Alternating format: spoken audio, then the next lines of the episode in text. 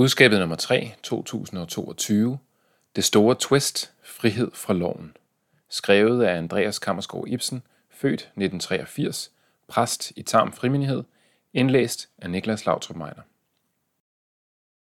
Omkring årtusindskiftet blev den indisk fødte instruktør M. Night Shyamalan verdenskendt for en række film, der havde noget ganske særligt til fælles. Et overraskende plot twist. I filmene fik seeren helt til sidst givet en oplysning, der ikke bare overraskede, men kastede nyt lys over hele filmens plot. Især mesterværket Den 6. sans fik mange lyst til med det samme at se igen. For med det afsluttende twist var hele filmen blevet som ny, og man lagde pludselig mærke til helt nye detaljer. Ikke så få kristne har gennem tiden haft lidt samme oplevelse, når de er nået til erkendelsen af friheden fra loven. Omkring år 1518 gik det op for Luther, at den Guds retfærdighed, der tales om i Romerbrevet 1.17, ikke er lovens dømmende retfærdighed, men den retfærdighed, som tilregnes den troende ved nåden alene. Dermed begyndte han at se hele skriften i et helt nyt lys. Alt, hvad han før havde tolket i lyset af loven, kunne han nu tolke i evangeliets herlige lys. Luther havde oplevet det ultimative twist, evangeliets twist, og det twist gav ham lyst til at se filmen igen og lægge mærke til alle de nye detaljer i Bibelen. Pludselig stod det klart som krystal for Luther, at loven fuldstændig har mistet sin magt til at fordømme enhver, der ved troen klynger sig til Kristus. Luther havde fundet friheden fra loven. Den frihed blev grundpillen for hele hans teologi og kamp for Bibels kristendom. I denne artikel ser vi nærmere på, hvad det betyder at være fri fra loven. I spørgsmålet om frihed fra loven finder vi nogle af Bibelens kernetekster i Romerbrevet 6-8 og Galaterbrevet 2-3. Paulus siger i Romerbrevet 7-4, så er også I, mine brødre, gjort døde for loven ved Kristi lægeme, for at I skal tilhøre en anden, ham, der er opstået fra de døde, og vi bærer frugt for Gud.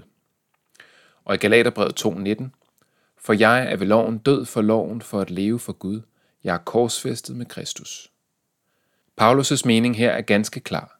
Alt det i Bibelen, der stiller krav til os og fordrer ubetinget lydighed mod Guds bud, altså loven, er ikke længere herre over den kristne. Lovens du skal har mistet sin magt til at fordømme dem, som er i Kristus Jesus. Eller med andre ord, det er ikke den kristnes evne til at præstere sin egen fromhed, der giver den kristne adgang til Guds nærvær og giver ham eller hende status som Guds barn. Det er alene Guds ufortjente nåde, som vi ser den udfoldet på korset, hvor Jesus bærer synden på sine skuldre. For den kristne findes der ikke noget skal. Jesus har en gang for alle fuldbragt alt skal. Vi er ikke under loven, men under nåden. Det er lige så radikalt, som det lyder. Og det er kun fordi det er radikalt, at det har magten til at sætte den kristne fri i samvittigheden og give vidshed om frelsen. Lige så snart vi begynder at slække bare det mindste på radikaliteten ved friheden fra loven, risikerer vi at udslette selve glæden ved at være en kristen. Ja, vi risikerer at sætte selve frelsen over styr. Men samtidig er der en grøft i den sammenhæng, som det er vigtigt at være opmærksom på. Ofte kan vi nemlig i tanke og tale have tendens til at tale om begrebsparet lov og evangelium, og dermed også friheden for loven, på en måde, så det lyder som om, der er tale om konstruerede fænomener. Så får man indtryk af, at Gud har valgt at relatere sig til os på denne særlige måde. Måske fordi det er en særlig pædagogisk eller effektiv måde at frelse mennesker. At Gud har opfundet lov og evangelium med frihed fra loven, som det afsluttende og overraskende plot twist. Men at tænke på den måde vil nemt kunne tage kraften ud af forkyndelsen af lov og evangelium.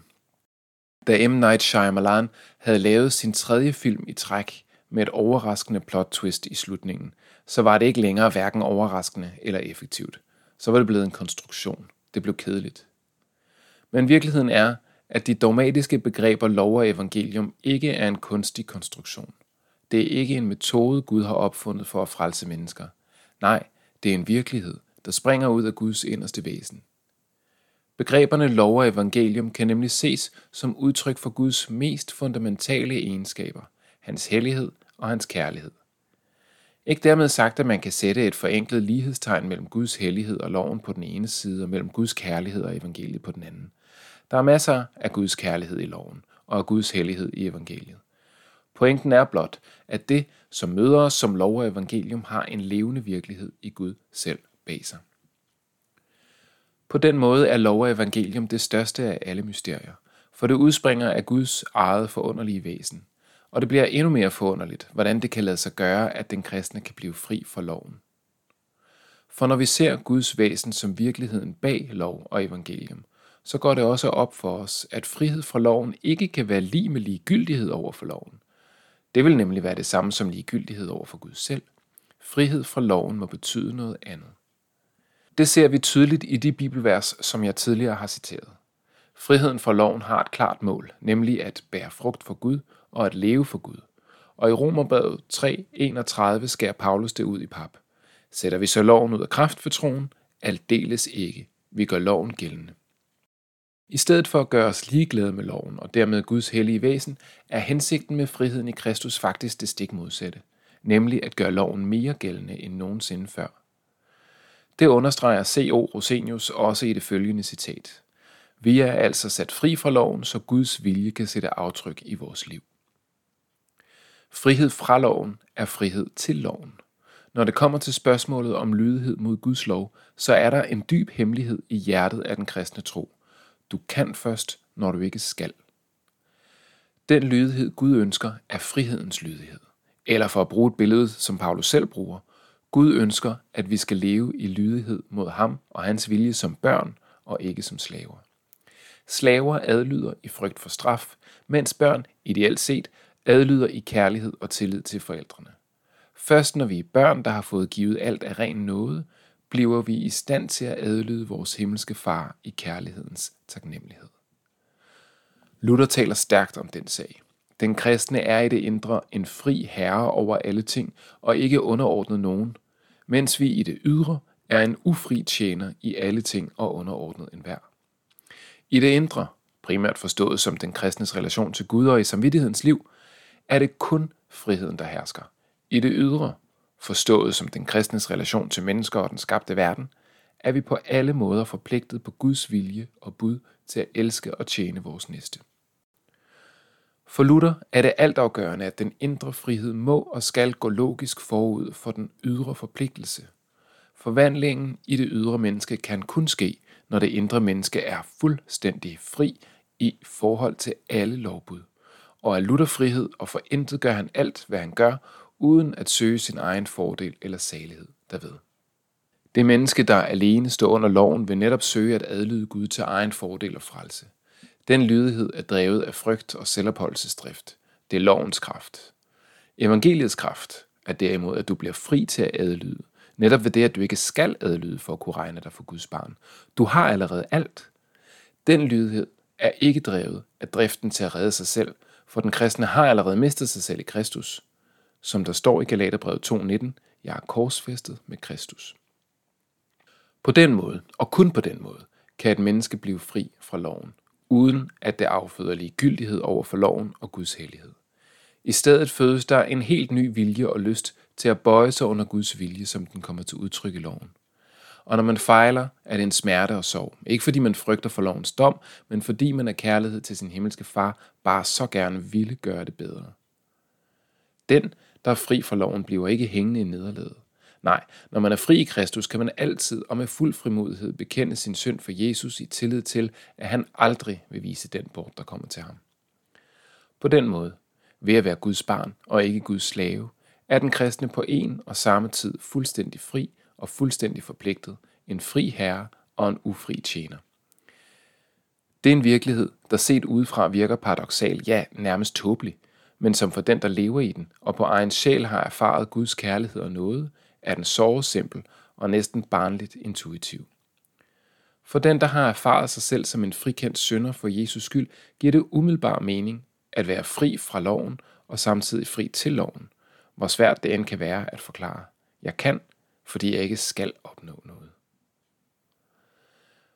For at sætte pris på friheden fra loven, må man have en fornemmelse af, hvad det vil sige at være slave for loven. Og det har alle mennesker dybest set.